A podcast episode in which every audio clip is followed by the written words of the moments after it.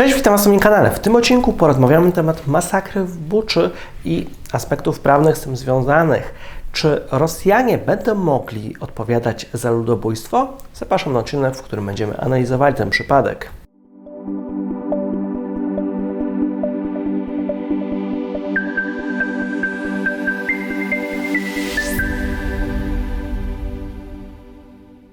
No i słuchajcie, tak słowem wstępu, generalnie jest taka konwencja w sprawie zapobiegania i karania zbrodni ludobójstwa, uchwalona przez Zgromadzenie Ogólne Narodów Zjednoczonych w 1900 1948 roku. To tak naprawdę jest najważniejszy akt prawa międzynarodowego i taka konwencja została implementowana praktycznie w wszystkich krajach świata. Tym samym e, może zostać ustanowiony nawet specjalny trybunał do osądzenia e, sprawców zbrodni takiego ludobójstwa w Buczy i w innych miejscowościach, nie tylko Międzynarodowy Trybunał Karny w Hadze. Może być specjalny trybunał na wzór tych słynnych procesów norymberskich, które miały miejsce po II wojnie światowej. Przepisy tej konwencji zostały zaimplementowane także do polskiego prawa karnego, które dotyczą właśnie zbrodni ludobójstwa, no i praktycznie to jest powtórzenie tego, co mam w tej konwencji. Jakie są przepisy z polskiego kodeksu karnego, z polskiej ustawy karnej?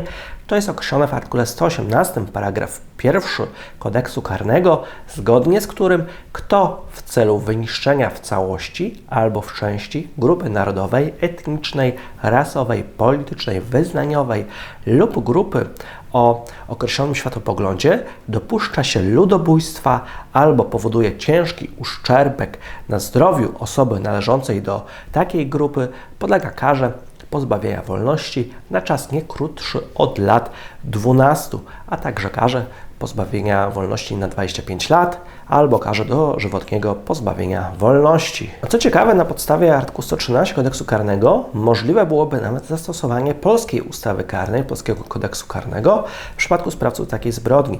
Zgodnie z artykułem 113, niezależnie od przepisów obowiązujących w miejscu popełnienia przestępstwa, ustawę karną polską stosuje się do obywatela polskiego oraz cudzoziemca, którego nie postanowiono wydać w razie popełnienia przez niego za granicą przestępstwa, do którego ścigania Rzeczypospolita Polska jest zobowiązana z mocy umowy międzynarodowej lub przestępstwa określonego w rzymskim statucie Międzynarodowego Trybunału Karnego. Taką zbrodnią jest chociażby zbrodnia ludobójstwa. Po co w takiej koncepcji jakby stosowania nawet polskich przepisów karnych, polskiej ustawy karnej do zbrodni ludobójstwa popełnionych za granicą jest przekonanie, że istnieje właśnie taka kategoria przestępstw, których ściganiem zainteresowana jest cała społeczność międzynarodowa.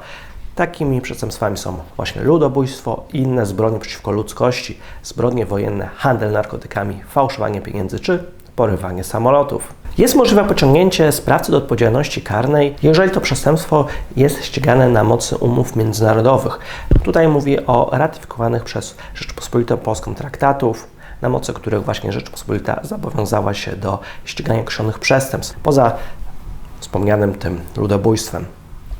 Takimi traktatami są chociażby Statut Rzymski ustanawiający e, Międzynarodowy Trybunał Karny w Hadze, czy ta konwencja ONZ z 1948 roku, w sprawie zapobiegania i karania zbrodni ludobójstwa uchwalona przez właśnie Zgromadzenie Ogólne Narodów Zjednoczonych. Tutaj też a propos tego Międzynarodowego Trybunału Karnego, to też robiłem wcześniej odcinek na ten temat, warto by zaznaczyć, że zarówno Ukraina, jak i Rosja nie są stroną Statutu Rzymskiego, natomiast Ukraina jeszcze w 2014 roku złożyła deklarację o dobrowolnym poddaniu się jurysdykcji Międzynarodowego Trybunału e, Karnego, czyli całe terytorium Ukrainy jest objęte jurysdykcją Międzynarodowego Trybunału Karnego. Mówię to oczywiście o całym terytorium znaczeniu prawnym, czyli granicę włącznie z Krymem, czy tym regionem Donbasu, który jest okupowany przez Rosję. Tu mam ten artykuł 5 Rzymskiego Statutu Międzynarodowego Trybunału Karnego i artykuł 5 wskazuje, jakie przestępstwa objęte są jurysdykcją Trybunału.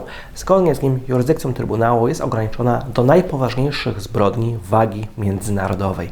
Jurysdykcja Trybunału na podstawie niższego statutu obejmuje następujące zbrodnie: zbrodnie ludobójstwa, zbrodnie przeciwko ludzkości, zbrodnie wojenne, zbrodnie agresji. Zgodnie z artykułem 6 Statutu Rzymskiego ludobójstwo oznacza którekolwiek z następujących czynów dokonany z zamiarem zniszczenia w całości lub w części grupy narodowej, etnicznej, rasowej lub religijnej, takich jak właśnie zabójstwo członków grupy, spowodowanie poważnego uszkodzenia ciała lub rozstroju zdrowia psychicznego członków z grupy, rozmyślne stworzenie dla grupy warunków życia obliczonych na spowodowanie jej całkowitego lub częściowego zniszczenia fizycznego. Stosowanie środków, które mają na celu wstrzymanie urodzin w odrębie grupy i przymusowe przekazywanie dzieci członków grupy do innej grupy. No i w tym zakresie jest to zgodne z tym, co mamy w polskiej ustawie karnej. Tutaj też uzupełniająco mówię, że ścigani za zbrodnie ludobójstwa mogą być nie tylko zwykli tacy szeregowi żołnierze, ale także osoby,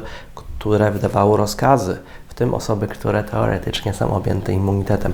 Immunitet głowy państwa nie stanowi przeszkody do pociągnięcia do odpowiedzialności karnej takiej osoby właśnie, której zarzuca się zbrodnie ludobójstwa. Patrzcie generalnie na przykład Slobodana Miloszewicza, który umarł w więzieniu w Hadze. No i cóż, mniej więcej tyle w tym temacie, a ja tymczasem pozdrawiam.